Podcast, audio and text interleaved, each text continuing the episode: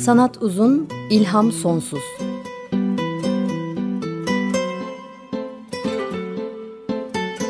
Sanat üzerine psikolojik sohbetler. Hazırlayan ve sunanlar Şenol Ayla ve Timuçin Oral.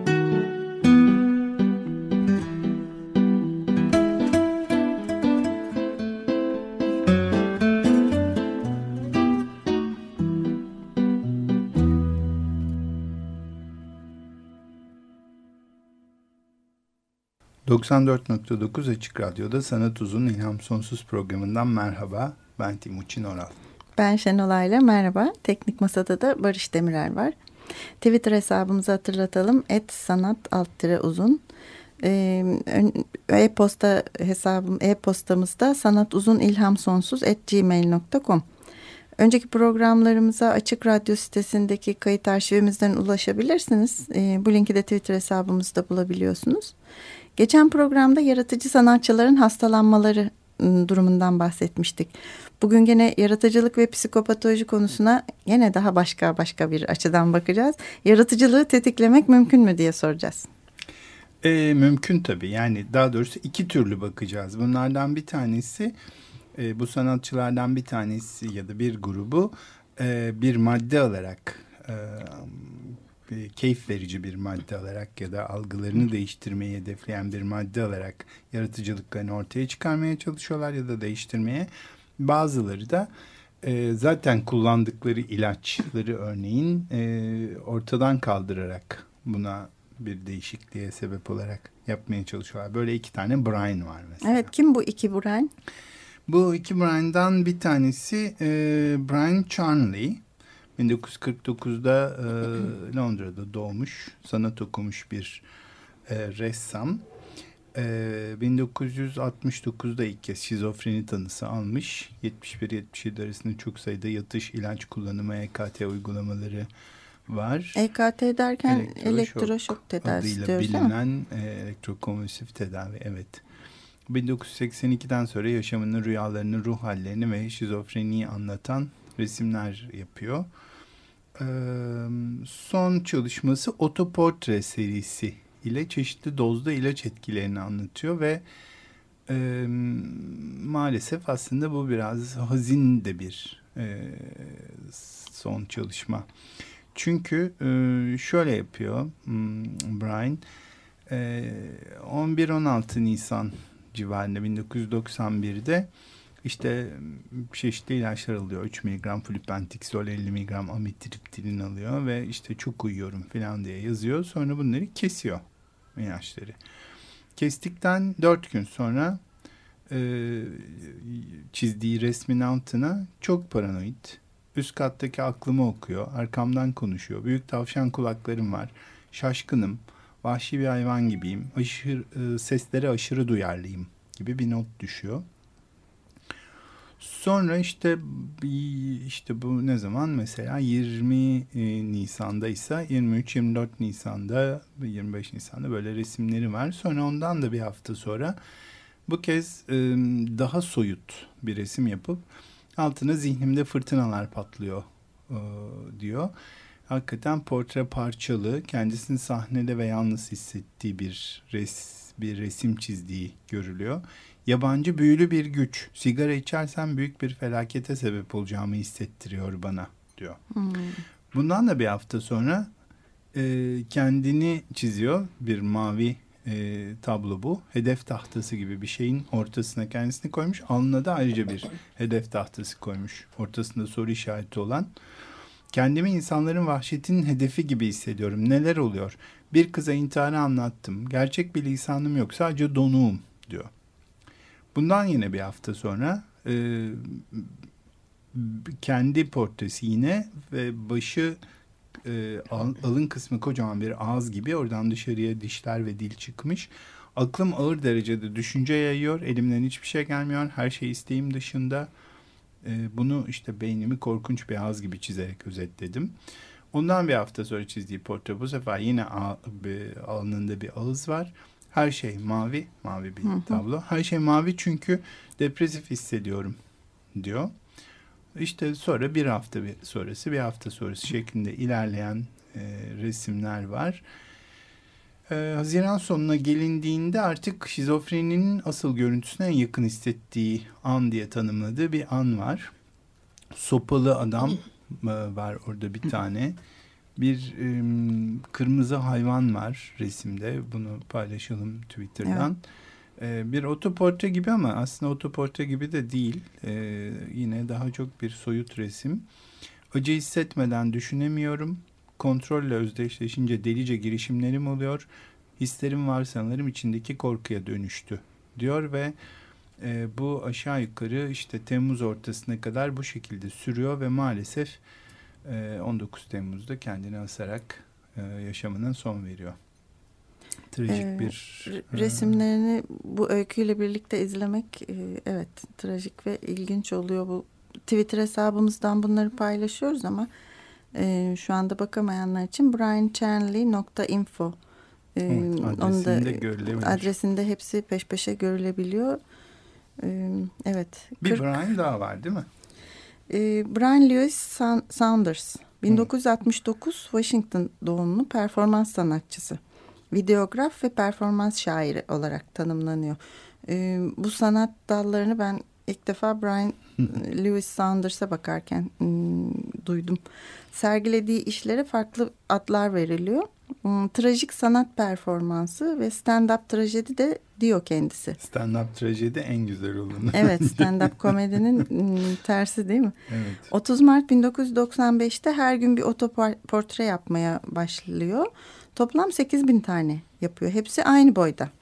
21,59 santime 27,94 santim.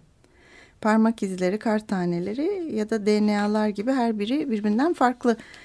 E, Brian Lewis Sanders'ın nesi var? Ee, şimdi onun nesi olduğu karışık. Çünkü aslında bir e, adı konulmuş bir rahatsızlığı yok. Fakat yaptığı işler sonucu bence kendisini e, hastalandırmayı başarıyor diyebiliriz. Hmm. E, bir bir hastalık olmamakla birlikte. Çünkü e, 2001'de e, bir, bir bir çılgın projeye girişiyor. E, işte o tuhaf bir şey. E, 11 gün boyunca bir toksik madde ya da ilaç alarak kendi portresini çiziyor ve değişmiş e, algısını yansıtmayı deniyor. E, hatta şöyle diyor ona Yüzlerce yıldan beri sanatçılar çevre, çevrelerindeki temsillerine kendilerini katıyorlar. Ben tam tersini yapıyorum. Çevreme kendi temsillerimi ekliyorum. Bu benim sinir sistemime daha iyi geliyor. Ee, hatta işte o arkadaşı onun işini sonsuz biçimde yeniden yapılan oto otopsi diye tanımlıyor. Hmm, evet oto otopsi de güzel oturuyor bence işlerine evet. bakınca. Otoporte değil de oto otopsi demek daha iyi galiba. Onun da aslında bir e, Twitter'dan paylaşalım. E, brianlewissaunders.org diye bir e, resmi sitesi var. Orada da bütün bu hikayeler anlatılıyor. E, enteresan otoportre konuları var. Anksiyete, kör, birinci renk ayları, aşk, doğa, duyular, kinestezi falan gibi isimleri olan ilginç bir şekilde e, şeyleri çiziyor e, mesela Rorschach testlerini, kartlarını e, yeniden resimliyor. Çok e, enteresan bir dışa vurum bu ve çok e, hoş da bir deneme. Yahut e, TAT diye bir test vardır. Thematic App Perception Test denilen böyle bir takım belirsiz hikayeler vardır. Kişiye gösterilir. Onu o, oradan bir hikaye, hikaye yazarak evet bir bir yansıtması kendi içindekini bir projeksiyon yapması istenir. Ee, mesela oradaki bir e, kartı çok enteresan bir şekilde yorumluyor. Politik bir yorum da getiriyor bunları da. Yine paylaşırız. E, Stalin'in UFO'ların filan içinde olduğu, kendisinde içinde olduğu bir şey. Bu hmm. çılgın proje asıl. Evet. Enteresan.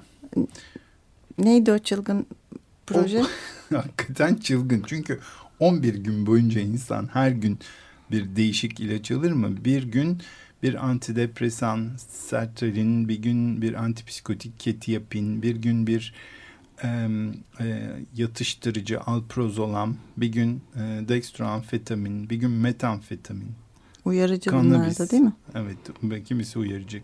Kokain, morfin, eroin. E, bir gün iki şişe öksürük şurubu hmm. alıyor. e, mantar yiyor. DMT alıyor, e, LSD alıyor, uçucu e, alıyor. Sigarayı bırakıp en güzeli bu. iki ay sonra aniden nikotin sakızı çiğniyor. Ee, ve bunun sonucunda çizdiği otoportreleri var. Ee, hakikaten e, görülmeye değer. Onları da parçalar halinde içtiyse birkaç örneğini aslında o web sitesinden bulmak mümkün ama e, paylaşabiliriz. Çılgın bir proje gerçekten Çılgın ve proje. eşsiz bir proje evet. değil mi? Onun içinde en renkli olanı da LSD. E, LSD evet. demişken? LSD demişken e, LSD e, baş harflerinden oluşan meşhur Beatles parçasını Lucy in the Sky with Diamonds'ı dinleyelim.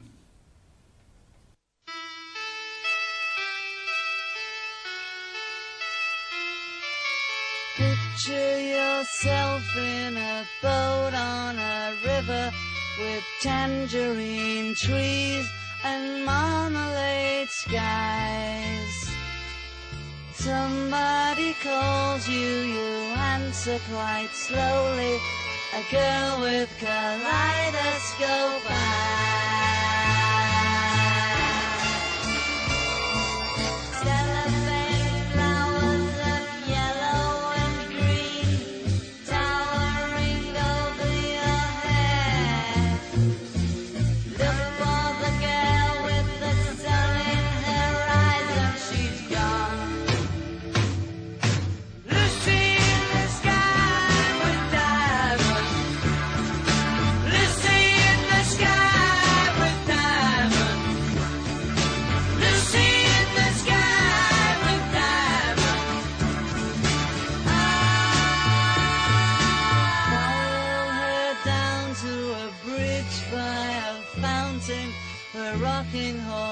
People eat marshmallow pies.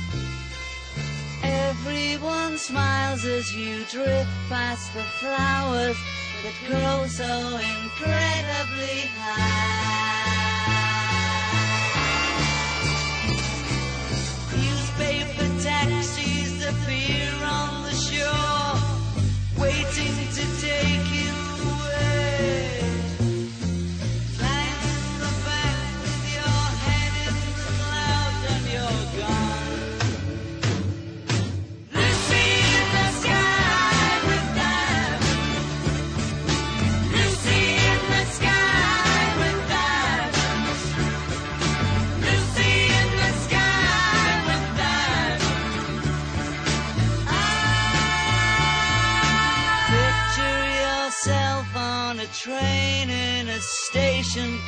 With plasticine pauses with looking glass ties. Suddenly someone is there at the turnstile, the girl with kaleidoscope eyes.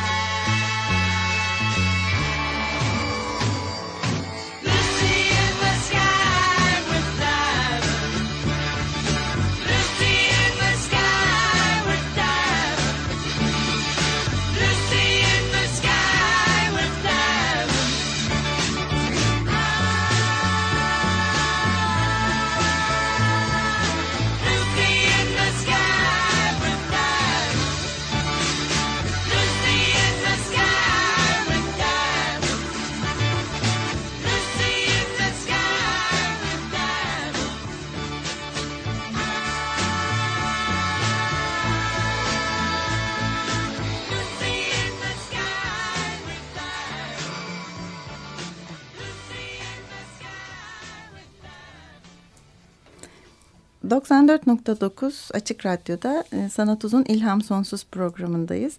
Lucy in the Sky with Diamonds'ı dinledik Beatles'tan. Çünkü e, madde veya ilaç kullanımının sanat üzerindeki ya da kullanırken bırakmanın sanat üzerindeki etkilerinden, görünümlerinden. Algılarımızı nasıl değiştirdiğinden, den, yaratıcılığımızı nasıl arttırdığından. Evet. Veya değiştirdiğinden konuşuyoruz. Tabii algı, yaratıcılık, madde deyince hepsi bir araya gelince Aldous Huxley geliyor akla. Evet. Onu anmadan olmaz. Hmm, Doors of Perception. Doors of Perception. 1894 doğumlu İngiliz yazar. Romanları ve denemeleri var ama bir sürü alanda edebiyat eseri vermiş. Kısa hikayeler, şiirler, gezi yazıları gibi. Brave New World, Cesur Yeni Dünya romanını en çok biliyoruz ve başyapıtı kabul ediliyor. 1932'de yazılmış. Ama bugün konuşacağımız şey konumuzla ilgili olduğu için e, bu açıdan önemli eseri bir denemesi hmm, algının kapıları, algı kapıları diye de çevrildi. The Doors of Perception. Adını William Blake'in Cennetle Cehennem'in Evliliği şiirinden e, alıyor. E, ilk olarak 1964'te basılmış. Uzun değil 63 sayfalık bir kitap. 1953'te hmm, bir Mayıs günü öğleden sonrasında Huxley'nin yaşadığı meskalin deneyimini, tribini anlatıyor hmm, diye hmm. geçiyor e, kaynaklarda. Bu maddenin etkisi altındayken kendi tabiriyle saf bir estetik duygusu olarak tanımladığı halden kutsal görülere e, dek yaşadığı çeşitli görüleri tanımlıyor. Bu deneyimin onun üstünde bıraktığı sanat ve dinle ilişkili yansımalardan da bahsediyor. Yani algısında bir yerlere dokunulmuş ve bir takım kapılar açılmış. Daha önce algılamadığı şeyleri algılamış. Ee, öyle mi anlamalıyız? Yani tam öyle midir? Onun adını koymak zor. Çünkü e, daha önce hiç algılamadığı şeyler midir? Orası tartışmalı ama ciddi bir e, değişiklik oldu ve e, bir illüzyon, bir yanılsama olduğu muhakkak. bunu uyarıcılar daha çok yapıyorlar. Burada söz konusu olan şey meskalin meskalin trimetroksifenil etilamin.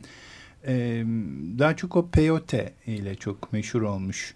Bir kaktüs türü değil evet, mi peyote? Carlos Castaneda'nın maceraları Meksika hı hı. E, yerlilerinin, Peru yerlilerinin kullandıkları bir şey. O m, kaktüste bulunuyor. San Pedro kaktüsünde. Ee, Peru'da da var dediğim gibi. Dini törenlerde çokça kullanılmış. 6000 yıldır hala da kullanılıyor. Hala, Orta Amerika ve Güney Amerika'da evet, değil mi yerliler tanıdığım arasında? insanlar var Peru'ya gidip e, hmm. peyote e, almış ve aslında bir e, halüsinasyon yaşamış. Halüsinojen e, bir madde. Halüsinasyon ne demek tam gibi. olarak? Halüsinasyon aslında olmayan bir şeyin görülmesi demek. İllüzyondan duyulması farklı bir şey. demek ya da algılanması demek. Yani bir kokuysa koku halüsinasyonu. Yok aslında. İşitsel, evet. Olmayan bir şeyi ama varmış gibi algılıyor. İllüzyondan farkı illüzyon var olan bir şeyi olduğundan farklı görmek meselesi. E, LSD, LSD ve psilosibin evet. gibi.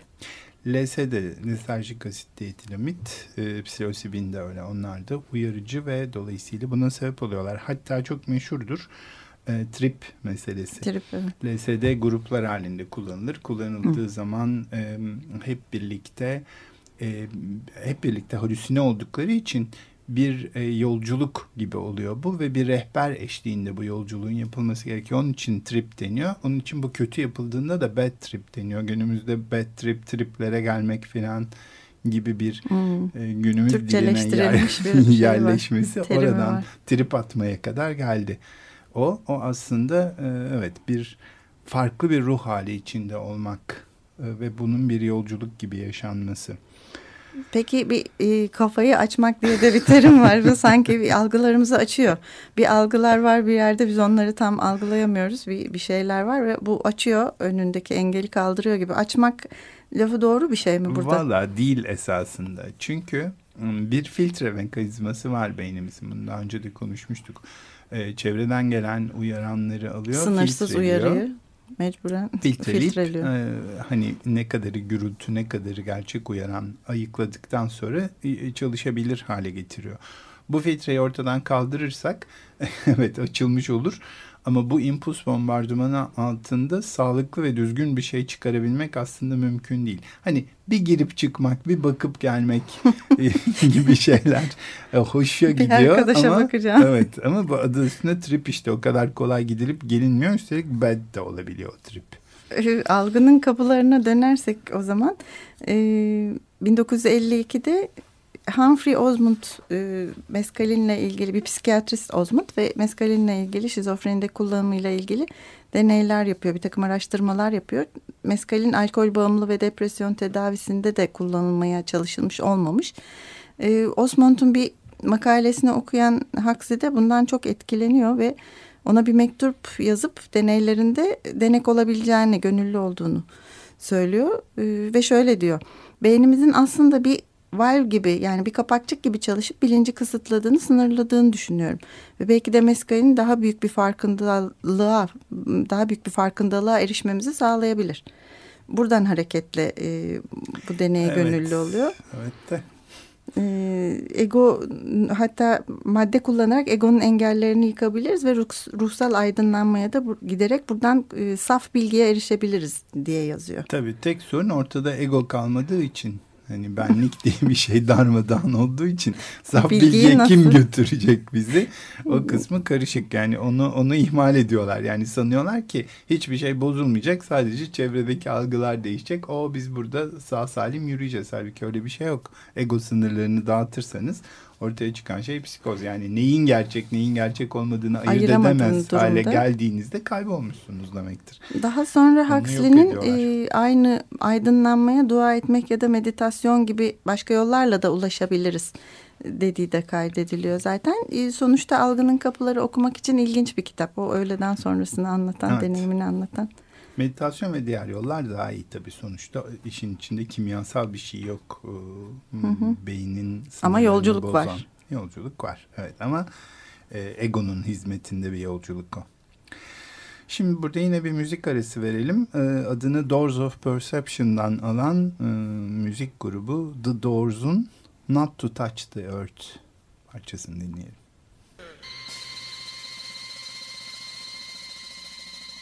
Don't stop to speak or look around. Your gloves and fan are on the ground. We're getting out of town. We're going on the run. And you're the one I want to come.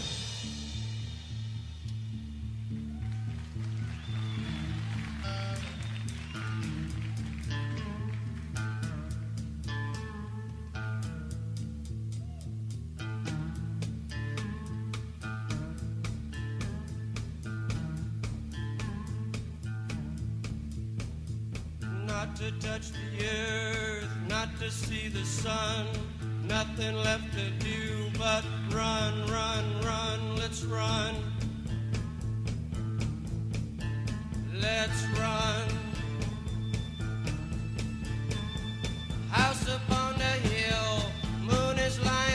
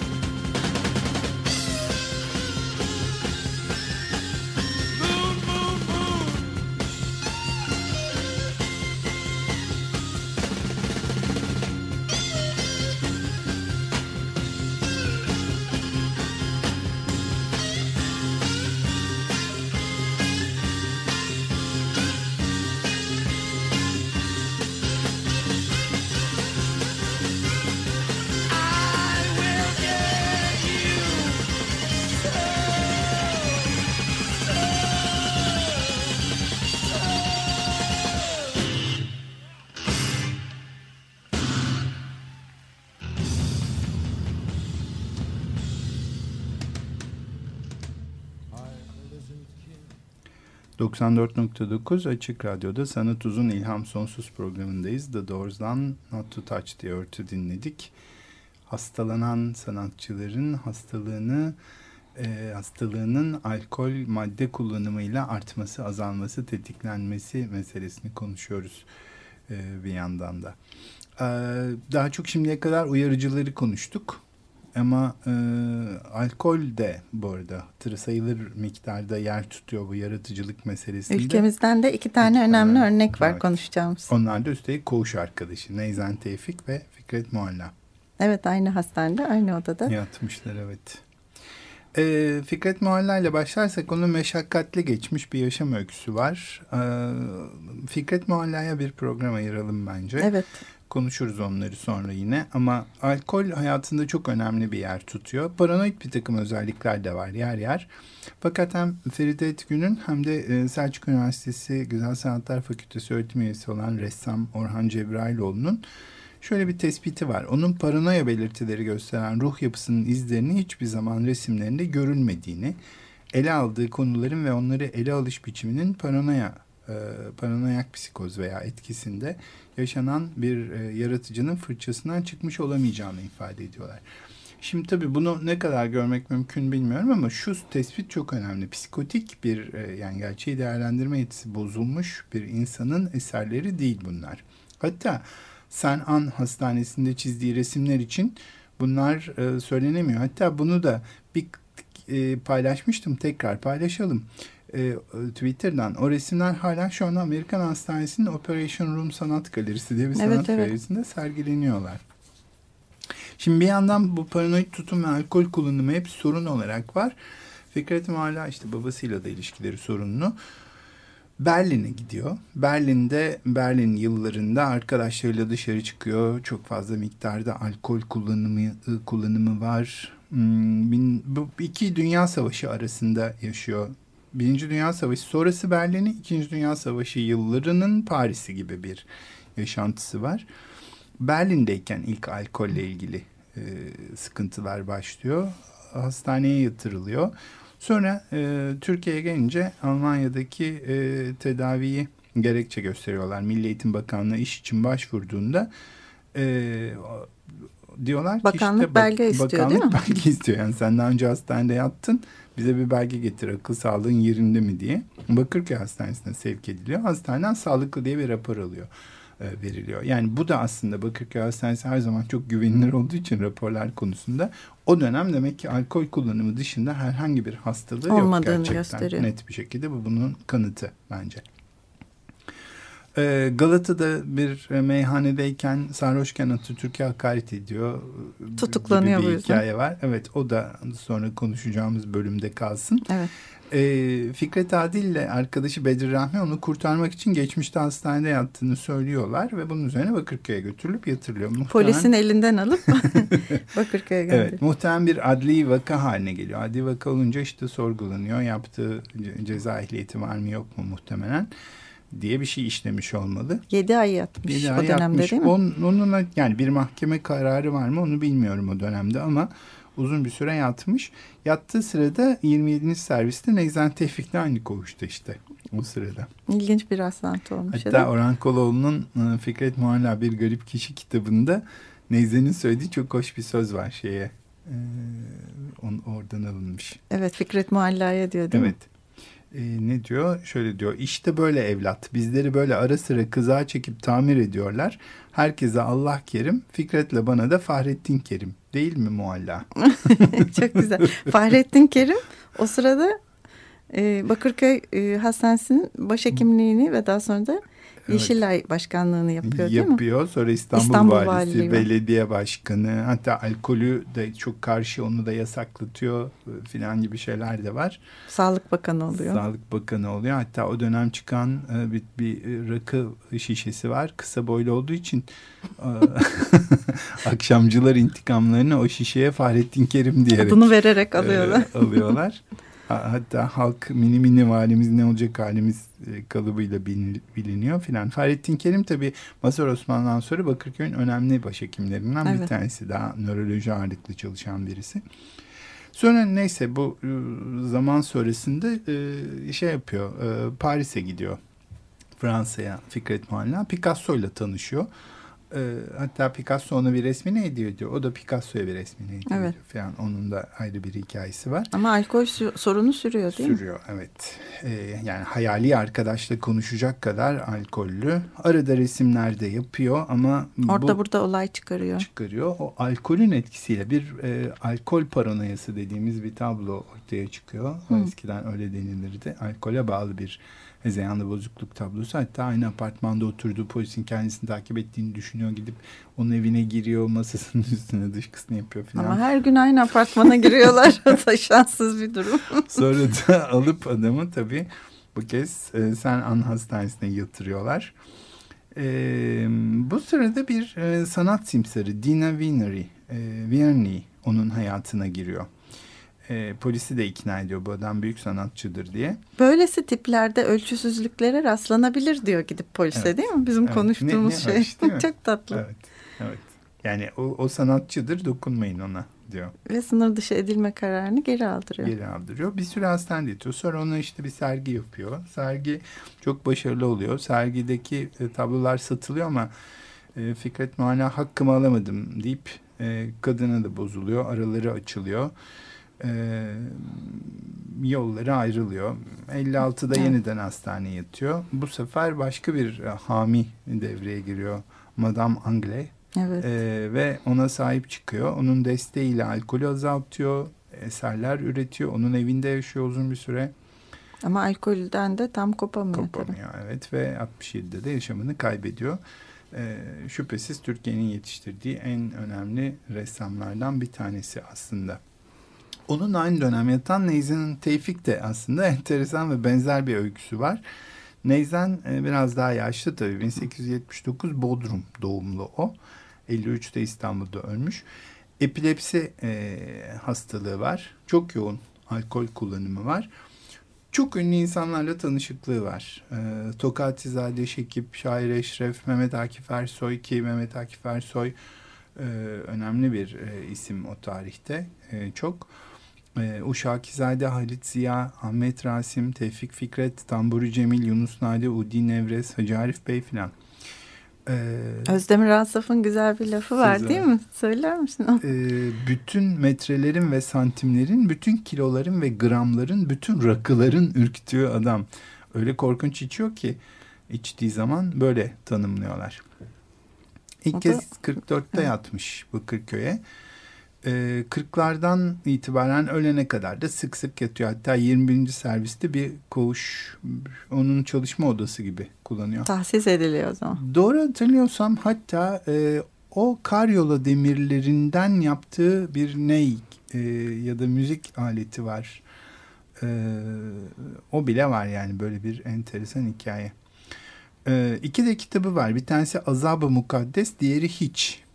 E, Evet. O Hiç'te insana benzemeyen Tanrı'yı inkar edeceksin. Ortaya çıkan boşluğu insanla dolduracaksın. Tanrı'yı içine alacaksın. İçindeki Tanrı artık senin vicdanındır, senin canındır. Senin gibi acı çeker, acıların toplamıdır. Aşk yolunda yani Tanrı yolunda yürürken çekeceğin acı seni terbiye eden temel öğretmendir. Hiç görünmeyen yanımızdır. Batıni ve iç yanımızdır. Gönül ve vicdan yanımızdır. Hiç yanımızdır. Bir vicdandır. Kendini kendi gönlünden yeniden doğurtman gerekiyor. Bunun için önce yok olman gerekir. Çok güzelmiş. Tasavvufla çok e, ilişkili tabii Neyzen Tevfik. Mevlevi aynı zamanda. E, Birçok kere o da bırakıyor içkiyi değil İçkiyi mi? çok defa bırakıyor. Evet böyle bir gelgitler var Derler hayatında. ya bırakmakta sorun yok. Bir, bir sürü kere bıraktım gibi Evet. bir durum var onda. Bayağı 5-6 ay içmediği, kütüphaneye kapanıp e, mütemadiyen kitap okuduğu dönemler var ama evden çıkıyor dolaşayım diye sonra sarhoş olarak geri geliyor. e, yara bere içinde döndüğü vakitler çok. Neyze'nin bu içkiyi bırakıp başlamaları birçok insanın dikkatini çekiyor. Mesela bir tanesi Mehmet Akif Ersoy. Hmm. Mehmet Akif Ersoy Safahat'ta Neyzen Tevfik'in 3400. tövbesinden istifası münasebetiyle Derviş Ahmet şiirini yazıyor. Bir parçasını okuyalım. Evet, Çok evet. güzel o. Bu gidiş hayır değil Ahmet'im. Dayan Ahmet'im. Dikil Ahmet'im. Aman Ahmet'im. göreyim seni. Dayan Ahmet'im, göreyim seni. Kuzum Ahmet'im, gireyim deme. Mola istemem, vereyim deme. Asıl Ahmet'im, kasıl Ahmet'im. Bu geçit bela, asıl Ahmet'im. O ne batmalar, ne boğulmalar. Asılır boş, kasılır boş. Dedem en sonra dalar. Bari meyhaneye düştün be mübarek derviş. İçmeden geç ki desinler dede sultan ermiş. Hadi Ahmet, hadi yavrum. Hadi son bir gayret. Lakin Ahmet bu ne gayret ne tahammül. Hayret. Evet bu da çok güzel. Mazhar Osman da e, Neyzen Teyfi içki içmeyi yasaklıyor. Güzel bu cümle sevdim ben. Mazhar Osman geliyor ve yasaklıyorum diyor mu? İçmeye devam edersen diyor hayati tehlike doğacak ve e, ileri derecede samimiler bu arada. O samimiyete dayanarak içki içmeyeceğine dair bir de ant içtiriyor. Çok güzel. Aradan zaman geçince Mazhar Osman e, içki içerken rastlıyor. Yakalıyor değil mi? Hani diyor sen ant içmiştin. Neyzen de diyor ki üstad biz fakir adamız. Bulunca içki içeriz bulamayınca ant içeriz. Çok güzelmiş. Fahrettin Kerim e, bedeni yapısından ruh bünyesine kadar girift komplike bir yaratılıştır diyor. Evet. Ee, alkol almaları nöbet nöbet. Bu da Yani acaba dönemsel oluyor, değil mi? mi bir bağlantısı var Başlıyor diye bırakıyor. düşündürtüyor. Ee, sonra Bakırköy'ün başhekimliğini yapan Fahri Celal Göktulga var. Evet. Ki o Ahmet Hamdi Tanpınar'ın Saatleri Ayarlama Enstitüsü'ndeki doktoru muhtemelen e, olduğu rivayet edilir. O da şöyle diyor onun hakkında. Onun kadar ahbabı çok olmadık insanlarla tanışan bir kimseyi tanımadım. Sanki mıknatıs gibiydi. Acayip maceralar, tuhaf vakalar, garip hadiseler onun etrafında döner. Hadiselere karışır, vakalara eşhas olur. Seyircilikten ziyade işlerin içinde bulunurdu bütün hüviyetiyle. Evet. Yani e, işte bu adamın enteresan yapısı e, do- doktorların da dikkatini çekmiş. Sonra Bakırköy'ün yine e, efsane doktorlarından Rahmi Duman e, diyor ki 20 yılla süren yakınlığımız oldu. Hep o konuştu. Yanlış anlaşılmasın. Bu süre içinde bir kez olsun önceden anlattıklarını tekrarlamadı. Her gelişinde yeni bir ufku. Bütün yıldızlarıyla önümüzde parıltıya boğuyordu. Şaşılacak şey doğrusu. Bitirilmemiş bir ilkokul öğrenimi üstüne nasıl koca bir kültür birikimi yüklenebilir? Son derece kıvrak zekası olduğunu hiç unutmadan söyleyeyim. 73 yıllık ömründe kendisine çok boş zaman ayırabilmiştir. İlim irfan sahipleriyle düşüp kalkmıştır. Hakikaten yani Etrafındaki insanlar olacak önemli e, insanlar, gibi evet. değil. Gerçekten çok ünlü insanlarla, çok önemli edebiyat adamlarıyla bir arada. Cemil Meriç'in mesela onun şairliğiyle ilgili olarak neyinden yıldız yıldız nameler, kaleminden şimşek şimşek mısralar dökülen bu coşkun sanat adamı neden edebiyatı fetheden bir şöhret olamadı? Kaderi ipek bir kumaş gibi işleyen büyük aksiyon adamları yanında ruhu ipek bir kumaş gibi örseleyen, örseliğini veren faniler var. Gönülleri meçhulün ve erişilmezin özlemiyle tutuşan bu ezeli mağluplar için dünyamız tahammül edilmez bir gurbettir. Neyze'nin hayatı akliyle koğuşlarıyla meyhane masaları cinnetle deha arasında mekik dokumakla geçti. Gelenekler onun serazat ruhunu çelik bir korse gibi sıkıyordu. Hayalinin geniş kanatları sokaktaki insanlar gibi yürümesine, günahlarıyla zaafları büyük ve bakir ruhların kanat çırptığı göklere yükselmesine engel oluyordu. Onda ne Fikret'in feragatkar, feragatkar ruhu, ne Akif'in karakter salabeti, ne Namık Kemal'in zorlu iradesi vardı. Evet 1953 yılında da e, kronik bronşite yakalanıyor Nezen Tevfik ve 3 ay hasta yattıktan sonra 28 Ocak 1953'te İstanbul'da E vefat şimdi ediyor. bu adamların ikisi de yani Fikret Molla'da. Neyzen Tevfik'te aslında alkol almasalardı yani alkol neye geliyordu bilmiyorum ama almasalardı çok başka insanlar olurlardı bir yandan. Hakikaten e, sanat e, yaşamları da çok daha e, muhteşem olurdu. Ama bir yandan da bu insanlar bu insanlar olur muydu sorusunun cevabını e, veremiyoruz. Veremiyoruz. O halde bir müzik arası verelim e, ve John Lennon'ın müziğini Nezen Tevfik'in sözleriyle rehber grubundan dinleyelim. Bilir.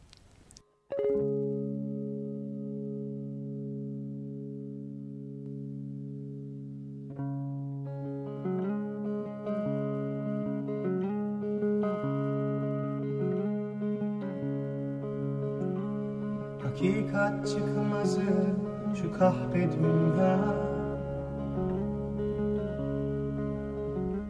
Bu çok kısa yoldan dönenler bilir. Bu yolun sırrıdır fırsatla sevda Tutuşup parlayıp sönenler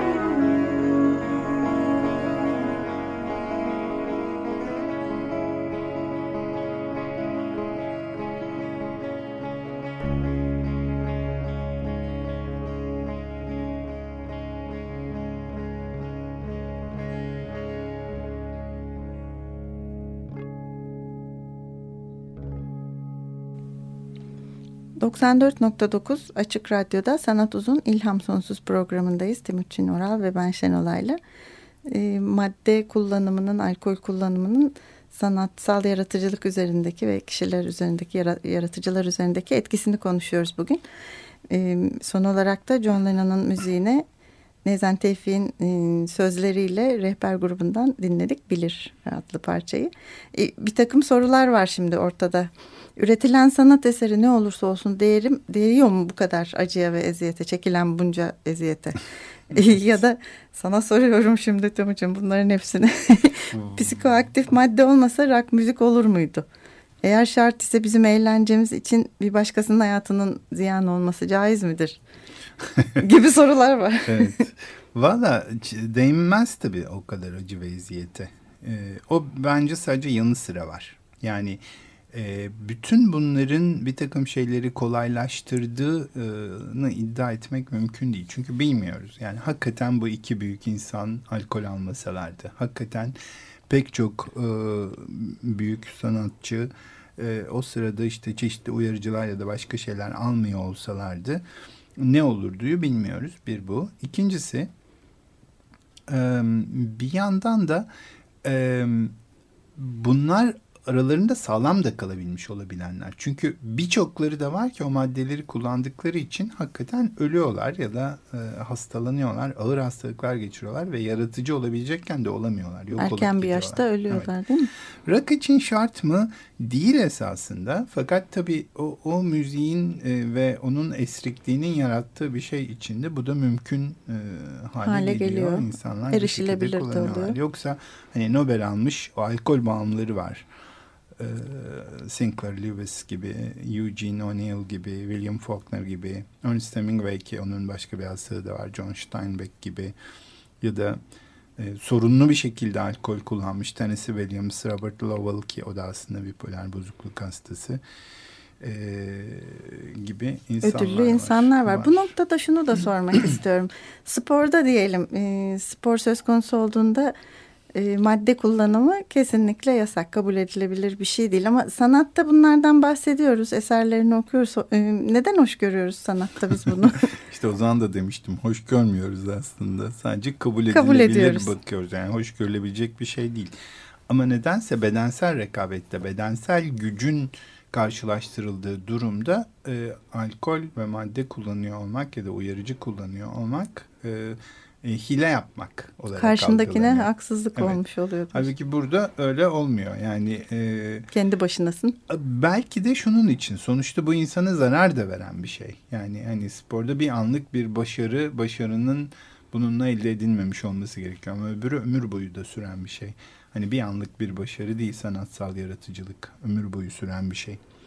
Çok insan var madde kullanımı olan. Ee, olmasalardı ne olurdu? Andy Warhol var. Mesela stimülan kullanıyor. Şimdilerde ilaç oldu atom oksitin.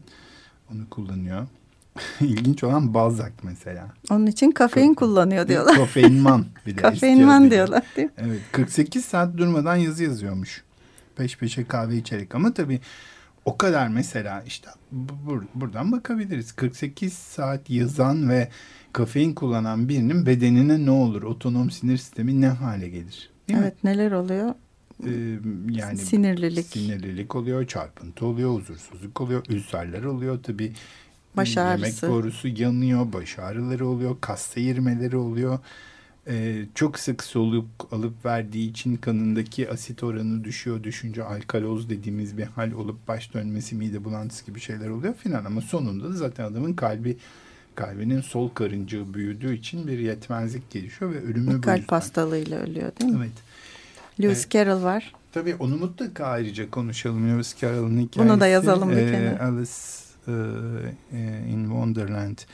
Ee, onun da mesela migreni var. Ee, muhtemelen bunun için afyon kullanıyor. Ee, ve onun yarattığı bir takım e, problemler yaşıyor. Truman Capote var. Çeşitli madde kullanıyor, değil mi? Evet, karaciğer yetmezliğinden ölüyor. Öldüğünde kanında çok sayıda madde var.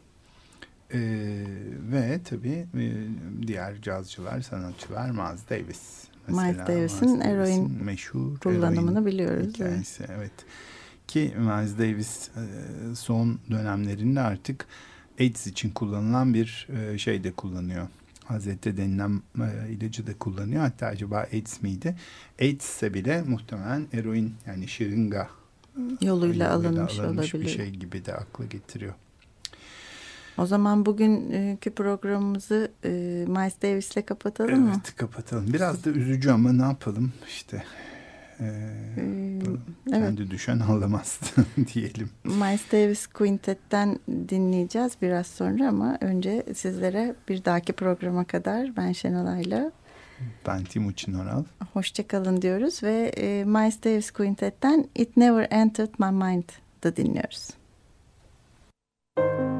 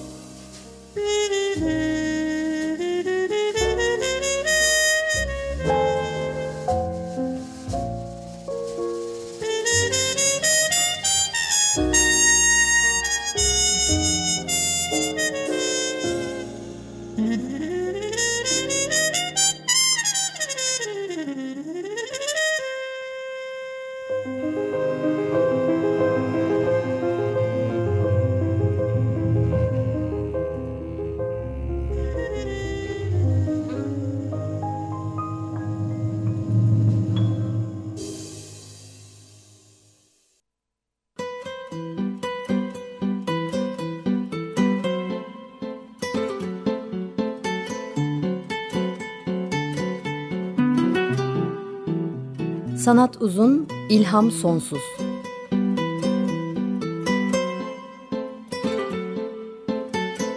Sanat üzerine psikolojik sohbetler.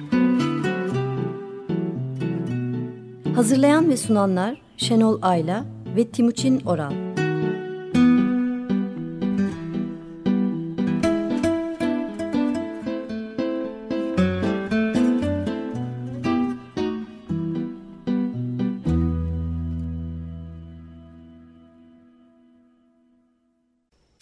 Radyo program destekçisi olun.